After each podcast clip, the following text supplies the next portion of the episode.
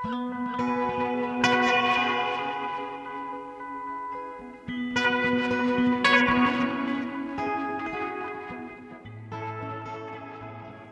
og sæl, kæru lustendur. Guðni Tómasson og Halla Harðardóttir hels ykkur úr hljóðstofu Vísjár þriðudaginn 14. februar.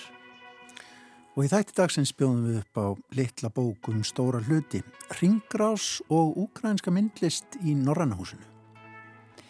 Ást er að skinja eilífðina, segir Tepokaspekin. Að eiga fangað kúra í er að skinja eins konar eilífð. Það lærðu við í frum bernsku, hangandi á brjósti móður. Ílt er úr hlýjum fað með að detta fyrir þá sem lenda í skilnaði án þess að vilja það eða missa makan. Þennan tekst er að finna í bók eftir Þórunni Jörglu Valdimarsdóttur sem var að koma út. Lítil bók um stóra hluti, kallast hún. Þar veldir Þórun vöngum yfir hlutskipti mannana hér á jörð, samskiptum kynjana, ástinni, einmannaleikanum, jörð og eilíð og öllu þar á milli. Þórun verður gestur okkar hér rétt á eftir. Dansverkið Ringgrás eftir Þyri Huld Árnadóttur er sínt um þessar myndir í samstarfi við Íslenska dansflokkin í Borgarleikosunu. Eva Haldur á Guðmundsdóttir rínir í verkið í þætti dagsins. Við höldum líka í Norrænahúsið og skoðum síninguna Hvernig komst ég í Sprengjubyrgið. En þar eiga sjö ukrænski listamenn, reyndar eitt listamanna tvíegi, verk á öfluri síningu þar sem að verkin hafa öll orðið til á síðasta tæpa ári eftir innrás rúsa í Ukrænu hófst. Við heimsækjum Norrannahúsið og ræðum við ukrænska síningastjóran sem heitir Júlia Sapika er orðin eina af starfsmönnum Sapsins. En við byrjum þáttun á góðum gesti. Þórun Jarla Valdimarsdóttir var að gefa út bók sem hún kallar Littla bók um stóra hluti.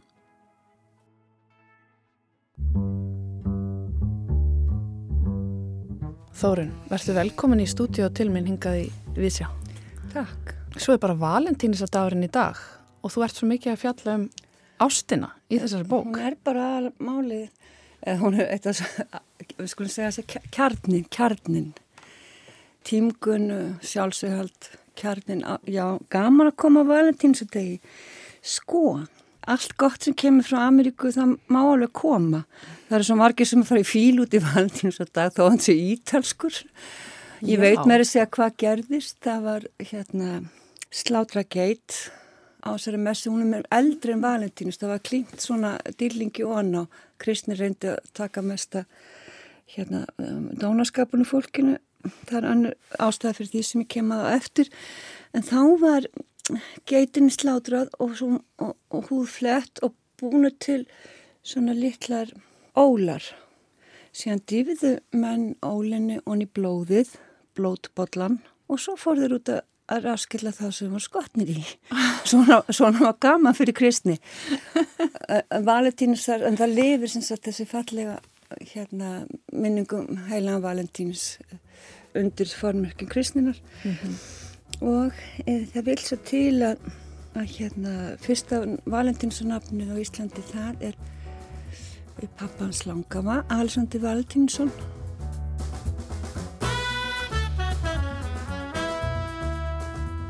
Eitt af því sem ég langaði að gera var að skrifa pínlilla bók sem maður hætti selja í blómabúðum. Ekki svona væmið ástíðin og málsætt og konur heldur bara eitthvað svolítið svona kjartgott. Mm -hmm. Og, og núna er, skils mér á, ég er hjá Jópiva forlæginu að það, að, að það sé búið að dömba bókin í alla blómabúðir.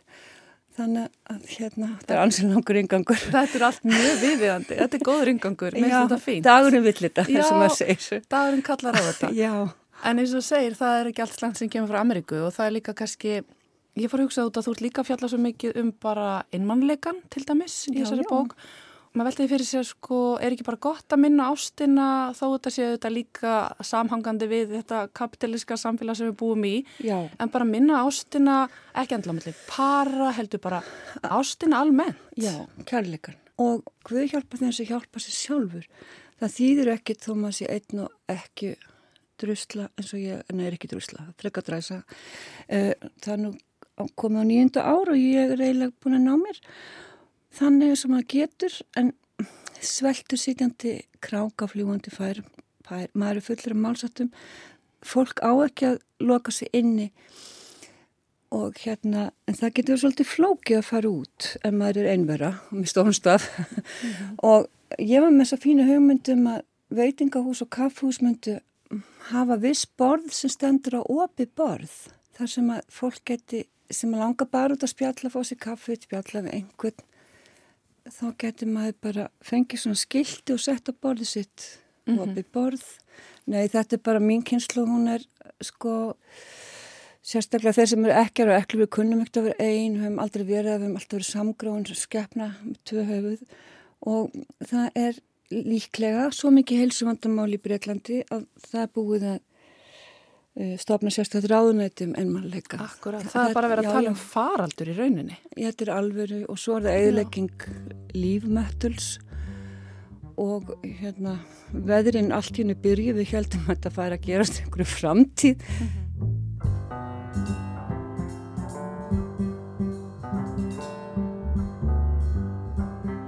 það sem ég er nú ánægast með það er að ég uppgögga þetta sjálf að það byrjaði allt þegar það var bannað að berða stúlkuböld á fjörðeld eftir Krist á kirkjuþingi því Jésús sagði þetta er honum að kenna jörðinu fulla fólki leiði börnum að koma til mín og banni þeim það ekki. Og þar með sáu auðvitað kirkjuferð þetta er í mótsögn. Við getum ekki látið þennan sásökafulla síð viðgangast En allstára jörðinni voru borðin stúlkubönd vegna þess að ef að fimm sýstur eignast allar fimm dætur og það er eignast allar fimm dætur þá er reppinu strax sprungin og við reyndum allt með tækni og landbúnaður framförum og innbyltingu og svo, svo ruttist þessi anstíkilegi kvítumadur sem að skama sem fyrir að tilhera út um alla jörð til þess að taka all grænt jafnvægi af öllum og banna útbúr stúlkubarna og tróða einhverjum skrítnum hvítum guði.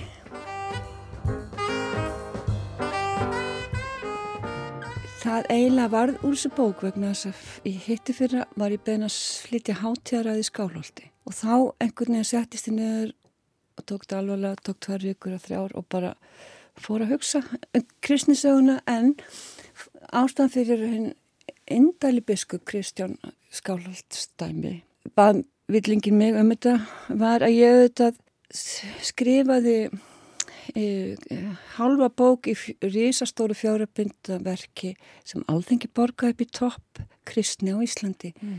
sem að glemdi sína auðlýsa og engin á en góði prestar sem eru alveg gáðar og lesa stundum svona sérti gamans og hugsapildir sem eru náttúrulega flestir en samt ekki allir.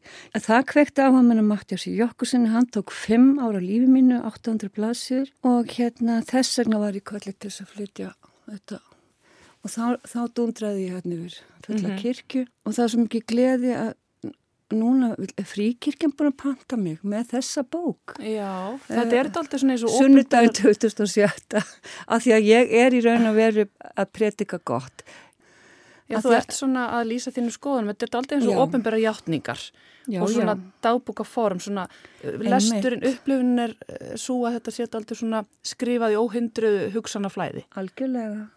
Var þetta, ein, var þetta skrifað svona einu rikk eða yfir langan tíma? Fyrst skrifaði ég þessa hátíðaræðu og svo fór ég að tósa mm -hmm. hinn á þessar áttir.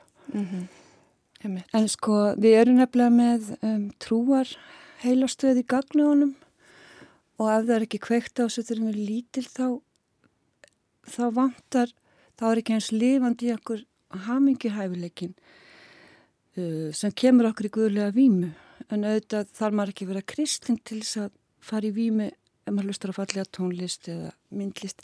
En lífiða sparkar í okkur öll meira og minna og það getur komið svo mikil örfanding að þessi ofsalega sterkir íslenski guð sem er líka heiðin og, og Kristinn sem kemur þegar snjóflóðu fellur mannstu mm. þegar örvandingin þegar máðahaldin koma það er þegar við þurfum ánum að halda já, við, það, hérna, það er svo ljómandi gott að ég er þakklátt fyrir að pappi tók mig með sér í badnamessur og mamma var að spila í óhásafnum í badnamessum þannig að mhm. ég á tósu og svo var svo varum við bara svæð á vesturska máta pappi mér er fyrðingur og við vorum bara hérna fórum við þess að tafra þul og svo máttum maður ekki segja neitt. Og, og sopnaðu allir búin að syngja og hann er hafmyggjur samir þú ert aldrei að tala um það sko hvernig þessi, þessi næring sem að færi æsku, ástinn og akkerið sem að söngurinn getur verið Já. svona hlúi að manniði setna þegar maður lendir í einhverjum áföllum eins og það missa magasinn og, og vera allt í einn einn og þurfa að læra inn á einverjuna að þá er þetta eitthvað sem að bæði trúin alúðin ástinn er eitthvað sem skiptir kannski mjög máli. Já og, og rillilega niðurstöður alveg glænýjar að hérna, ef að konu líður illa óléttri þá bara skemmist heilin á barninu og það verður fíkill eða eitthvað. Það er bara algjörlega banna að eiga barnum að vera hamingisamur og, og það um, sagt, er nú eitthvað að draga úr fjölkun. Við erum svo mannmiðjuð það, það hétt þegar endurreysnin kom þá hétt, áður var heimurinn degasentriskur eða guðmiðjaður. Svo með endurreysninni þá verður að mannmiðjað. Það þótti svo fínt að við erum allan að komin frá guð villisunni, já, mjög margir eins og ég bæði elsku að hata kirkina að því að mm. hún er bara eins og við getum við sagt, en um leiðum við verðum mannmiðjað það er mjög gott að þessu margi Nei, það eru fleiri dýrategundur en við sem eiga þess að jöruð mm -hmm. og, og fólk sem getur borða kjúklinga og svínakjött sem veit algjörlega hvað, hvaða þjáningar þessi dýr hafa liðið í íslenskum uh, hérna, versmiðbúum. Það vantar, hvernig getur maður haft eitthvað á tungunni og ánætta sögu þess, skilur mig. Við viðhaldum hryllingi með því að vera ekki síðleg og mm -hmm. hérna, við verðum að, að reyna aðeins að stoppa og þetta er náttúrulega kannski bara slökun er bestu öllu ef maður getur slakað á þá, sé, þá færist maður yfir til svona meiri siðlega heita held ég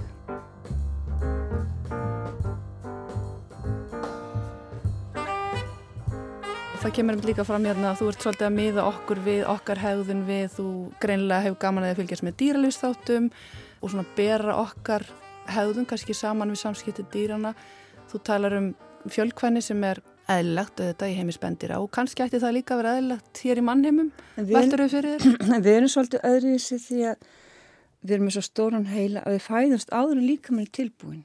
Þannig að við erum 2-3 ára og þá viljum við helst hanga á einni mannsku, helst mömmu, stundum verðum við að, þurfum að vera aðeins fjöllundari en Við skerum okkur frá öðrum spendurum að því leiti að við erum svo ofbúslega háð móður mm. svo lengi og það lætir okkur þurfa tilfinningaöryggi sem er að eiga eitt góðan maka, það er náttúrulega best í heimi. Uh, en síðan er hitt sem að, ég ekki dægu að falla tvær vikur þegar ég lasa um það, í öllum spendur heimi er bara eitt af hvernig fjórun kalldýrum sem kemst í kvendýr og, og það gengur auðvitað mjög vel upp í, í fjölkvenninu en það er svolítið allir þessi máling og tíska og hamagangur í konum að reyna að vera sætan þetta gengur þetta út á að reyna að ná sér í hérna, eðalfóla eða hvað hann heitir alfa, alfa, alfa mann. Allir muna síðan fyrirgeði strákar. Allir muna, þetta er ekki mér ekki allir muna síðan í batnarskóla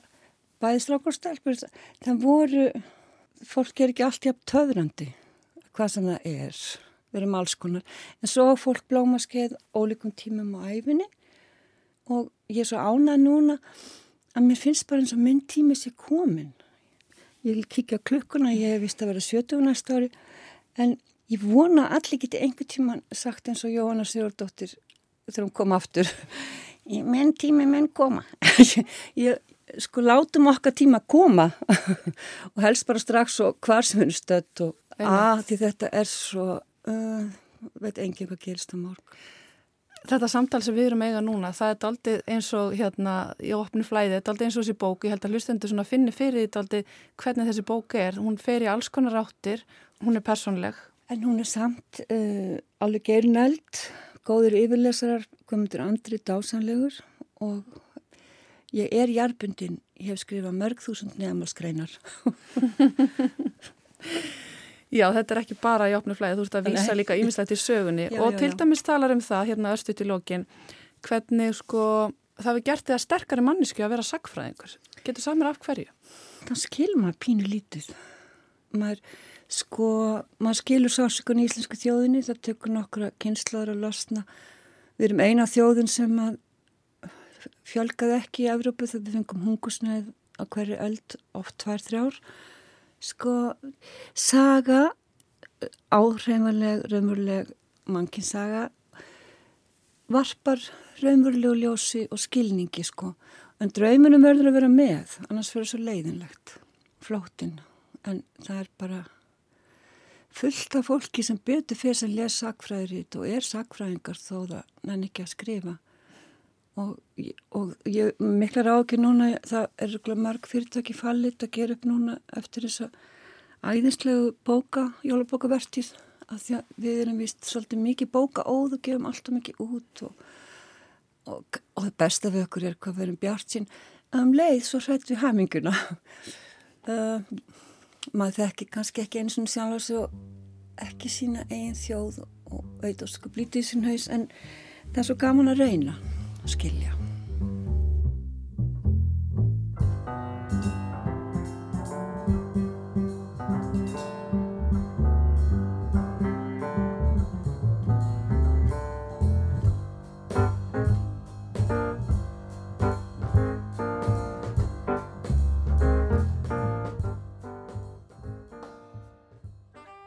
Hanna rætti Halla Harðardóttir við Þórunni Jörlu Valdimarsdóttur um nýjútkomna bók hennar sem að kallast Lítil bók um stóra hluti. En þá tekur Eva Haldóra Guðmundsdóttir við, hún fór að sjá ringrás í borgarleikusunu. Á sjönda og áttunda áratug síðustu aldar endur heimtur listakonur líkamassinn og veku frá karlægri byrtingamind kvenlíkamanns sem áður þekktist í listum. Með því að nota eigin líkama í listaverkum sínum settu konur spurningamerki við kyn, hömlur settar kvenlíkumum, kynverund, byrtingamynd konunar og margt fleira. Í kjölfarið myndaðist umræða eða gaggríni sem enn er við líði þess eðlis að umfjöllunum kvenlíkamann sé pólitísk og eigi einungis erindi við þær sem skilgarina sig sem konur. Því kom mér ekki á óvart að á frumsýningunu á verkinu Ringgrás, samstarfsverkefni Íslenska dansflokksins í borgarleikusinu, voru mest megnis konur í salnum. Verkið Ringgrás verðist í fyrstu vera óður til kvenlíkamanns og jafnvel mætti segja að það sé í grunninn fæðingarsaga. Dansarinn og danshöfundur verksins Þyri Huld Árnadóttir tekur á móti áhöröndum þegar þau ganga í salin í dansi sem verðist vera frjáls. Þegar ljósin lækka óma rattir kvenna að ræða um bartegnir, blæðingar, ófrjósemi og margt fleira sem konur ræða oft óhyggjað sín á milli. Í kjálfarið voru skýr kablaskipti í verkinu og við í áhörundahopnum vorum stött í leigi þar sem sæði finnur ekkið, frömur skiptast og við fylgjum fóstri í þroska að fæðingu. Síðan varð annar vendipunktur í verkinu þegar að þeirri tólkar hríðir með hröðum og hátbundnum reyfingum og aða lokum fylgdi léttir sem táknar fæðingu barats. Af þessari lýsingu að dæma hljómar eins og verkið sé línuleg frásögn af upplifin konu af fæðingu baratsins síns en samspil tónlistar, leikmyndar og búninga ger það verkum að dansin verður viða meir en það. Júlíana Laura Stengrimsdóttir er leikmynda og búningahannuður verksins og nær hún að búa til minimalískan en áhrifaríkan heim. Í kringum glansandi svartan dúk á hringlega sviði er strengt bogadreið biotjald og á það er varpað myndböndum af þeirri óléttri að dansa. Á sviðinu er þeirri klætt í gagsæjan drapplitaðan galla og drapplitaða samfellu undir. Gallin minnir óneitanlega á enkennisbúning nýbakara mæðra, joggingallan, en einnig verður til skýrskotun í frömur þar sem gallin er kjarnahimna og líka með þyrjar kjarnin. Lýsing Pálma Jónssonar er ævintýrleg. Hún teiknar upp aðstæður eða jafnvel innra líf móðurinnar. Þegar þeirri tólkar þroskaferli fósturs er hún böðuð röðleitri byrtu líkt og við verum stött í móðurkviði. Að fæðingu lokinni blikka ljósin meðan hún fagnar stolt sigri að loknu erfiði. Myndböndin sem varpað er á tjaldið bjóða upp á aðra vít í verkinu. Anni Ólafsdóttir og Saga Sigurðardóttir færa líkamann nær áhörundum og breyta því sem við eigum að vennjast sem gróteskri nótgun líkamanns í fallega nærmynd af náttúrunni. Gagnverkund dansins, myndbandana og hljóðmyndar er virkilega gefandi og getur verið humorísk á köplum. Eins og þegar við sjáum nærmynd af mjólk sem kreistur úr brjóstum undir taktfastri tónlist, stendur þeirri og bregst við eins og hún standi í miðri móðurmjólkur sturtu. Hljóðmynd Urðar Hákonardóttur spilaði stóran þátt í uppbyggingu og kaplaskiptingu verksins. Þjætt ráftónlistin í bland við hráar rattir og andadrátt bjóð til upplifin líkt og um hljóðskúltur væri að ræða. Hljóðmyndin var virkur þáttakandi í frásögninni og var gjöfult að finna fyrir bassanum leika um rýmið í bland við loftkendan söng sem fylti vitin tilfinningum. Samspill hljóðmyndar og dansins var stórfenglegt í augnablikinu þegar komið er að fæðingu barnsins í verkinu. Ærandi hljóðmyndin stegumagnast líkt á um eldgoss að ræða þar til allt í einu kemur augnablík léttis þar sem ekkert heyrist í salnum nema örmagna andadráttur þyrjar. Struktúr verksins er skýr og taktur þess jæft safaríkur og tónlistinn. Vörður verksins gera það engar aðgengilegt og þjóna táknmyndunum sem dregnar eru upp ákaflega vel. Hreyfingar þeirriar virtust árenslu lausar og var nöytn að fylgjast með líka með hennar sveigjast og beigjast í tólkun sinni á þroskaferli fósturs í móðurkviði. Sviðsframkoma þeirriar var einlega og örlátt. Hún byrtist okkur nánast dýrsleg er hún tólkaði konu í hríðum en svo kotróskin og glöð að fæðingu lokinni. Hún náði með sveibriðunum einum saman að breyta orkuverksins. Hún skapar gullfallega stund með áhörundum með jarðtengdri nærveru sinni. Aðalheiður Haldurstóttir leikstjóri verksins skapar ótrúlega fallegar myndir á sviðinu og greinilegt að hún er með gott auga. Hún fangar augnablik og skapar töfrandi og nána upplifin fyrir áhörundur. Að fylgjast með þeirri standa á miðju sviðinu á meðan myndband af henni að dansa óléttri byrtist á tjaldinu er máttug mynd. Við fylgjumst með henni minnast líkama síns eins og hann var og finna fyrir honum þegar hún horfir á óléttan líkama sín dansa. Aðalheiður er einni næm í leikstjórn sinni því að það getur verið ljúfsárt að fylgjast með fæðingu því hugurinn ferum víðan völl. Fyrir suma er gullfallegt að horfa konu tólka hríðir með dansi á meðan öðrum getur þótt að erfitt því það er tákmynd þess sem þau munu aldrei upplifa en það er samt galdur verksins. Ringgrás er ekki til þess gert að upphefja einungis fæðingu eða konuna, heldur er það valdefling líkamanns, allra líkama. Hvort sem þú hafir, munir eða getur ekki fætt barn, getur hver sem er tengstverkinu sterkum böndum. Á leðminni út af síningunni heyrði ég fólk tala af kappi og deila fæðingasögum, ræða um túrverki eða hvaða ófrjósemi hefur haft mikil áhrif á manneskjuna. Verkið varpar ekki einungis kastljósinni inn á við, heldur býr einni til tengingu okkar á milli.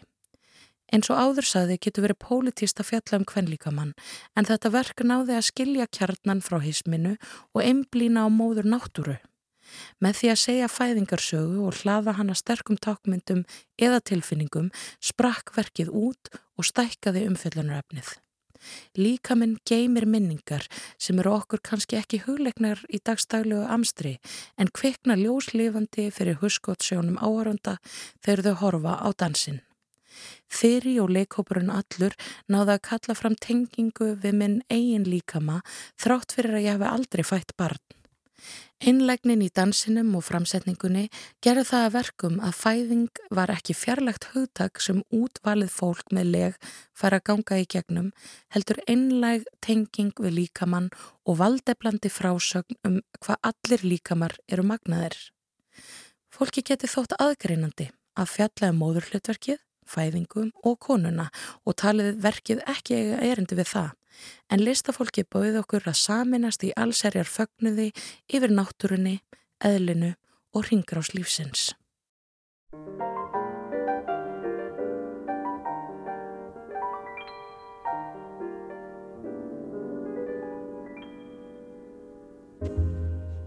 They say that falling in love is wonderful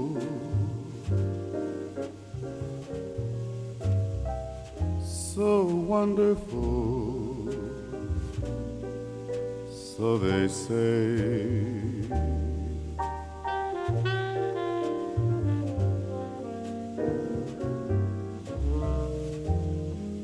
The thing that's known as romance is wonderful.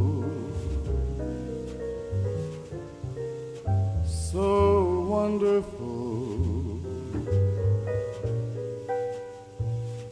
So they tell me.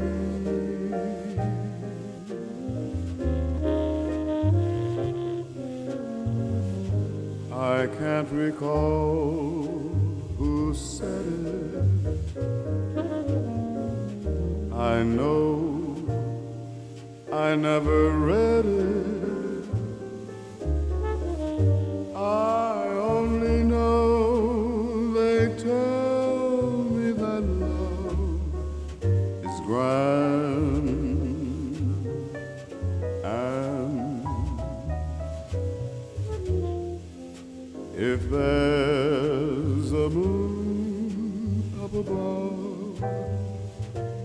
It's wonderful,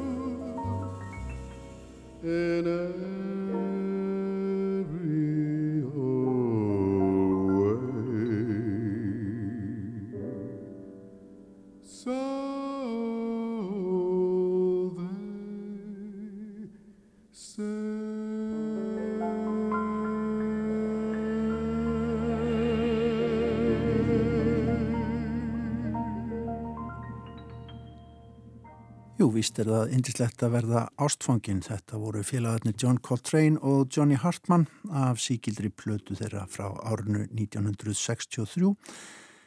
They say it's wonderful to fall in love, eins og segir í textanum hana. En það er auðvitað spilað hér í Víðsjá í dag því að Amerikanandi segja okkur að það sé valentínusadagur, ekki sagt alla. Jú, jú, reyndar Ítalið líka og alls konar fólk út um allan heim. Ekki Já, bara bandarækjamenn þó þetta Nei, sé svona daldið sterkur vindur þaðan, Einmitt eins og við Þórun rættum hér áðan. einmitt. En við ætlum að fagna þessum degi hér í dag. Við Jú. ákvaðum það bara. Vissulega, við erum bara létt að því. Já, heldur betur. En við ætlum samt að halda núna úr stúdíónu og út í bæ. Við förum í Norrannhúsið.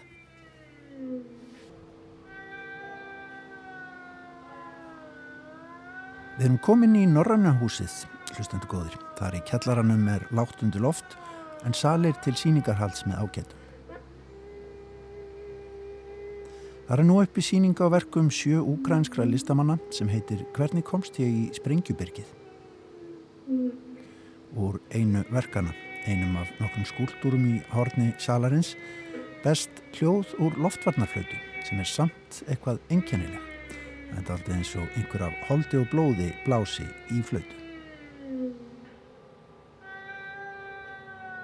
Öll eru verkin unnin eftir innrás rúsa fyrir rétt tæpu ári síðan og flest eru þau unnin sérstaklega fyrir síninguna. Sýningarstjóri er Júlia Sabika sem að kemur frá borginni Lviv í vestur Úkrænu. Ég byrð hana í fyrstu um að telja upp nöfn listamannana sjö eða listamanna hópana. So Olena Subach, Yaroslav Kostenko, Maxim Finogiev, Sergei Petlyuk, Kinder Album, Art Group Sweeter, Mikhailo Barabash. Þegar gengið er inn í síningarsalin eru skilabóðin afdráttarlaus í fyrsta verkinu sem að mætimanni regnir blóði. Niður úr loftinu hanga rauðir þræðir sem að rýma við litinn í nokkrum ljósmyndaverkum eftir Elinu Subaks. Yeah, uh, here we can see uh, the portraits, a couple of portraits, and uh, just beautiful photos. And on the background, we can see the bloody rain. So uh, I really, uh, I really like the palette of this. So uh, it's like it looks peaceful, uh, actually, uh, but we can feel these bright red colors, and it's like we feel that something can happen. And uh, also this bloody rain, it's like the action, something already happened. And uh, in another side, we can see uh, in another Á project, einni uh, ljósmyndana liggur listakonan sjálf að þér verðist í enkennilegri stellingu með fæturna eins og bundna undir sig í tegju. Júlia síningastjóri er hrifin af litapalettunni í verkunum sem þarna hanga sem er eins og barokkrauð einhvern veginn, blóðrauð. Minnir jafnvel á klæði í verkum Caravaggio eða annara meistara liðina alda. Andi verkana er friðsæll en rauður liturinn er eins og yfirvofandi ógn. Hér hefur eitthvað alvarlegt gerst. Teksti lýsir staðrindu. Uh, in the year uh, AD 2022, in the month of February, it rained blood in several places. It could be seen far and wide. Á því herrans ári strange way. Just this 2022 í februarmánuði ringdi blóði á nokkrum stöðum. Það var hægt að sjá víða að og var einkennilegt á að líta eins og það er málað hér. Júlia segir að blóðregnið sem að hangir niður úr loftinu í verkinu sé eins og landamæri. Listakonan síni umbreytinguna á heimalandinu, fegurðuna og ljótleikan sem tók við. Byrtist í sögum kvenna frá Mariupol, einni borgana sem við erum einhvern veginn farin að þekkja úr fjarlæð, en samt auðvitað alls, alls ekki. This uh, bloody, bloody rain uh, in the first hall. It's like the border, and uh, the first thing in these photos, she tried to show Ukraine before war, uh, its beauty and uh, all of this. And the, second part is this cruel part about stories uh, from women in Mariupol, and I really like this contrast. Ég spyr síningastjóran Július to um listamennina á síningunni almennt. Allir eru þeir fættir á nýjunda áratug síðustu aldar. Hún segir að valið á þeim sé persónlegt frá hennar hendi. Ég er mjög hrifin af öllum þessum listamennum, segir hún. Actually, it was my personal uh, choice, my personal taste, and uh, I really like these artists and their artwork, artworks, and uh, that's the reason why I choose them. I think they very suit to my idea in general, and they very talented, and uh, I wanted to show these uh, talented artists here in Iceland. Þessi listamenn falla allir vel að hugmyndum mínum um hvernig sé best að miðla myndlist sem hefur með stríðið að gera. Þeir eru hæfileika ríkir og mér langaði mjög að sína verk þeirra hér á Íslandi. Flestir starfaðir ennað list sinni í heimalandinu þó þeir fari um lengri eða skemmri tíma erlendis vegna verkefna. Uh, most of them in Ukraine now and uh, one of them uh, currently in Paris for a couple of months. Most, most of them uh, works now in Ukraine and live there. So they travel, of course, uh, for some projects and uh, all of this stuff. But usually they're in Ukraine now, and I think they're heroes. Mér finnst þessir listamenn vera hetjur, segir síningastjórin Júlia Brosandi. En það var alls ekki auðvelt að koma verkunum frá Úkrænu til Íslands. It's like the delivery to another planet, actually, because it's uh, it's very hard uh, because of the war, of course, and uh, most of the Ukrainian, uh, European um, deliveries uh, companies they don't want to to take this. So we found one uh, gallery in Ukraine, and they helped us with this. Þetta er daldið eins og að senda sendingu á milli pláneta, segir síningastjórin. Evrósk sendingafyrirtæki eru ekki með starfsemi í Úgræn og vilja ekki taka að sér sendingar þaðar. Við náðum samstarfi við galleri sem var með tengingar og gætt hjálpað til við þetta. Árásir senkuðu auðvitað öllu líka aftur og aftur og það tók tvo mánuði að koma öllu hingað. En það tókst fyrir rest og ég er hamingusum, segir síningastjórin. Через те, що е, я її приготовлюю, спочатку її беру, е, кидаю на це на, на варево, е, на окріп, а пізніше витягую і там вже дуже коротенько її просто підпікаю, щоб вона була така засмажена, додаю туди чесничок, приправи на смак. Ось. Таку картоплю, наприклад. Í einu verkan á síningunni, Vídeoverki, er eitt listamanna Mikailo Barbash að reynsa, skera og elda karteflur, steikja franskar sínist mér. Hann segir sögur af fjölskyldu sinni á meðan og upplifunum. Þetta er verk um framtíðina, segir síningastjórin Júlia. Hvernig lífið heldur áfram og þarf að halda áfram í þessu mikla landbúnaða landi. Hún segir að sitt takmark með síningunni hafi verið að gefa gestinum insýn í persónlega reynslu hvers og eins listamanns.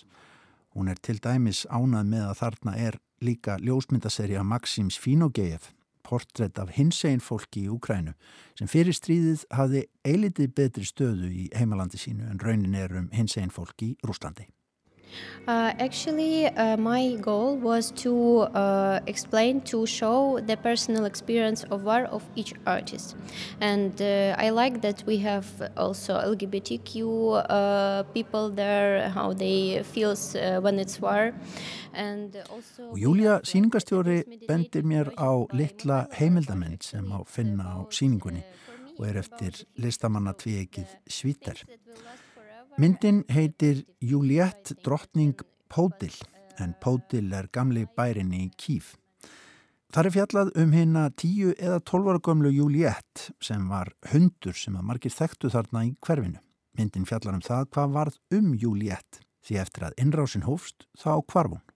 Og í henni segja viðmalendur sögur af Juliette og leitinni af henni. So uh, I really like a documentary that we see here, there. Uh, it's about the dog, Kiev's dog uh, Juliet. Uh, she lived in the downtown of Kiev, and many people know her. And she disappeared when the war began. And this documentary is the they try to find Juliet, and also they interviewed people who uh, felt a war in their city and how it was. And uh, yeah, I really like this documentary because it's very emotional. So as you can see, it's uh, different themes, it's different traumas, and uh, I think it's the best way to show how it feels when it's war, because we don't have like one general thought about this. We have different expressions, different experience, and I really wanted to show it in this exhibition. Þetta er tilfinningaþrungin mynd um útigangshund. Þannig að eins og þú sérð þá eru áföllin ímiskonar og sögurnar líka, segir síningastjórin.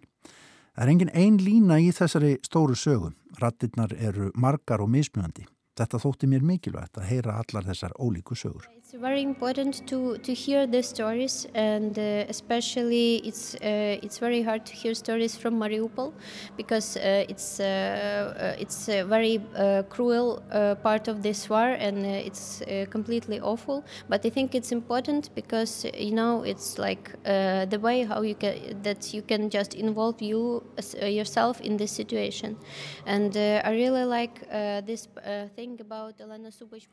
Júlia nefnir sérstaklega sögur kvenna frá Mariupol sem að þarna hanga uppi á vegg og hægt er að lesa á samt ljósmyndum af þeim. Listakonan Elena Subak kynntist konunum í flóttamannabúðum fyrir íbúa frá Mariupol í líf en þar var listakonan sjálfbúðaliðum tíma og fór að taka myndri af konunum og sapna sögum þeirra. Hér er eina af sögun. Yeah, so it's Natalia from uh, Snihurivka city, uh, Bashtanka district, Mykolaiv region.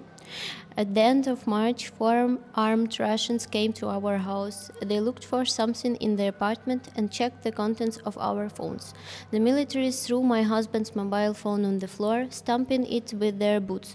Uh, then they asked my husband why he didn't want to fight for Russia. Í marslokk komu fjórir vopnaði rússar heim til okkar. Þeir leituðu að einhverju í íbúðinni og skoðuðu hvað var í símanum okkar. Hermennir hendu síma mannsins míns í gólfið og tröðku á honum og spurðu síðan af hverju hann vildi ekki berjast fyrir Rúsland. Allan tíman sögðu þeir okkur að nú þyrtum að lifa eftir þeirra reglum. Þeir hótuðu að taka manni minn í burtu og drepa hann. Þeir kölluðu okkur glæpamenn bara af því að við töluðum úkræinsku. Hér er engin staður fyrir ykkur, sögðu þeir. Þið hafið engan rétt á að búa í Úkrænu. Við dvöldum í borginni eins lengi og við gátum. Í símtali við sýstu mína, sem þegar var komin til útlanda, spurðum mig beint út. Natalia, mynd þú hafa nægan styrk til að sjá börnin þín deyja? Þessi orð gáði mér kraft til að koma mér úr borginni. Madurinn minn kom mér og sex ára sinni okkar yfir Anna. Til þess að gera það þurft hann að skilja skilriki sín eftir hjá rúsunum. Annars hefðum við ekki fengið að fara. Ég komst lengra vestur en mánuðið setna tókst einmannu mínum að koma til okkar. Elsti sónu minn og amma mín eru enni í borginni. Ég vil gleima öllu sem þarna gerðist. En ég skil að ég mun bera það með mér alla tíð. Það er ómögulegt að gleima slíkum minningum. There is no place, they said, for people like you. You have no right to live in Ukraine. We stayed in the city for as long as we could. Once, during a phone conversation with my sister, who had already left abroad, she asked me, Natalia, will you have enough strength to watch your children die? I want to forget everything I experienced there, but I understand that I will carry that with me till the day I die. It's impossible to erase such memories. So you can see it's very strong. Yeah. Og síningastjórin Júlia Sabika sem er hér á Íslandi með móður sinni á meðan fadur hennar og fleiri fjölskyldumæðlimir eru í Úkrænu en Júlia er nú starfsmæður Naranhúsins, lítur svo á að listin geti verið mjög upplugt upplýsingavopn tilfinningaþrungið tól sem er mikilvægt til að segja sögur í okkar samtíma sem vissulega er hlaðin af upplýsingum sem koma allstaðar frá. En með samvistumðið listina getum við komist nær þessum sásökafulla efni við. Yeah, I think um, the art Uh, it's a very powerful information weapon and uh, it's also very emotional uh, weapon so it can just touch your feelings. And i think that's important to use this weapon now uh, because of uh, when you read uh, news and just these horrible titles about the war it can touch you because it's like a lot of information now in in the internet and it's very hard to feel something. But when you go to the exhibition space and you read the stories, you saw these artworks, it's very emotional uh, and uh, it's uh, just touch your heart, your soul, and uh, you can't be like uh, uh, you can't avoid this. So you just need to support when it needed for Ukraine. So I think it's important in this way.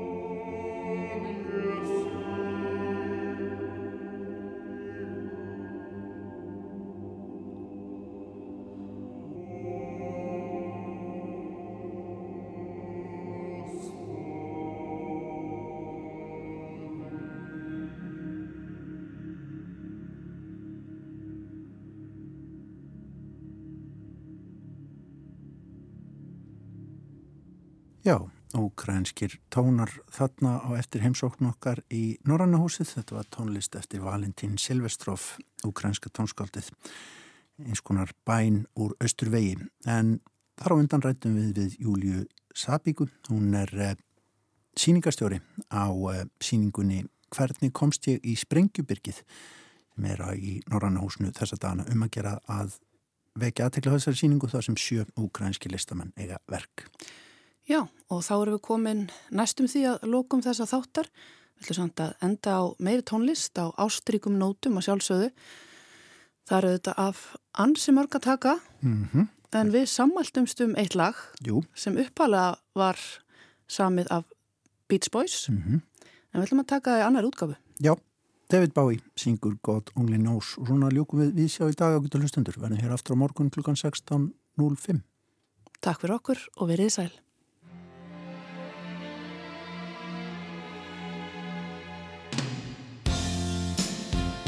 If you should ever leave me,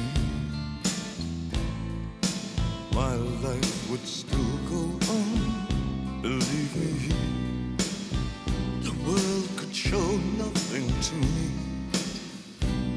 So what good would living do me? God only knows what I'd be without you.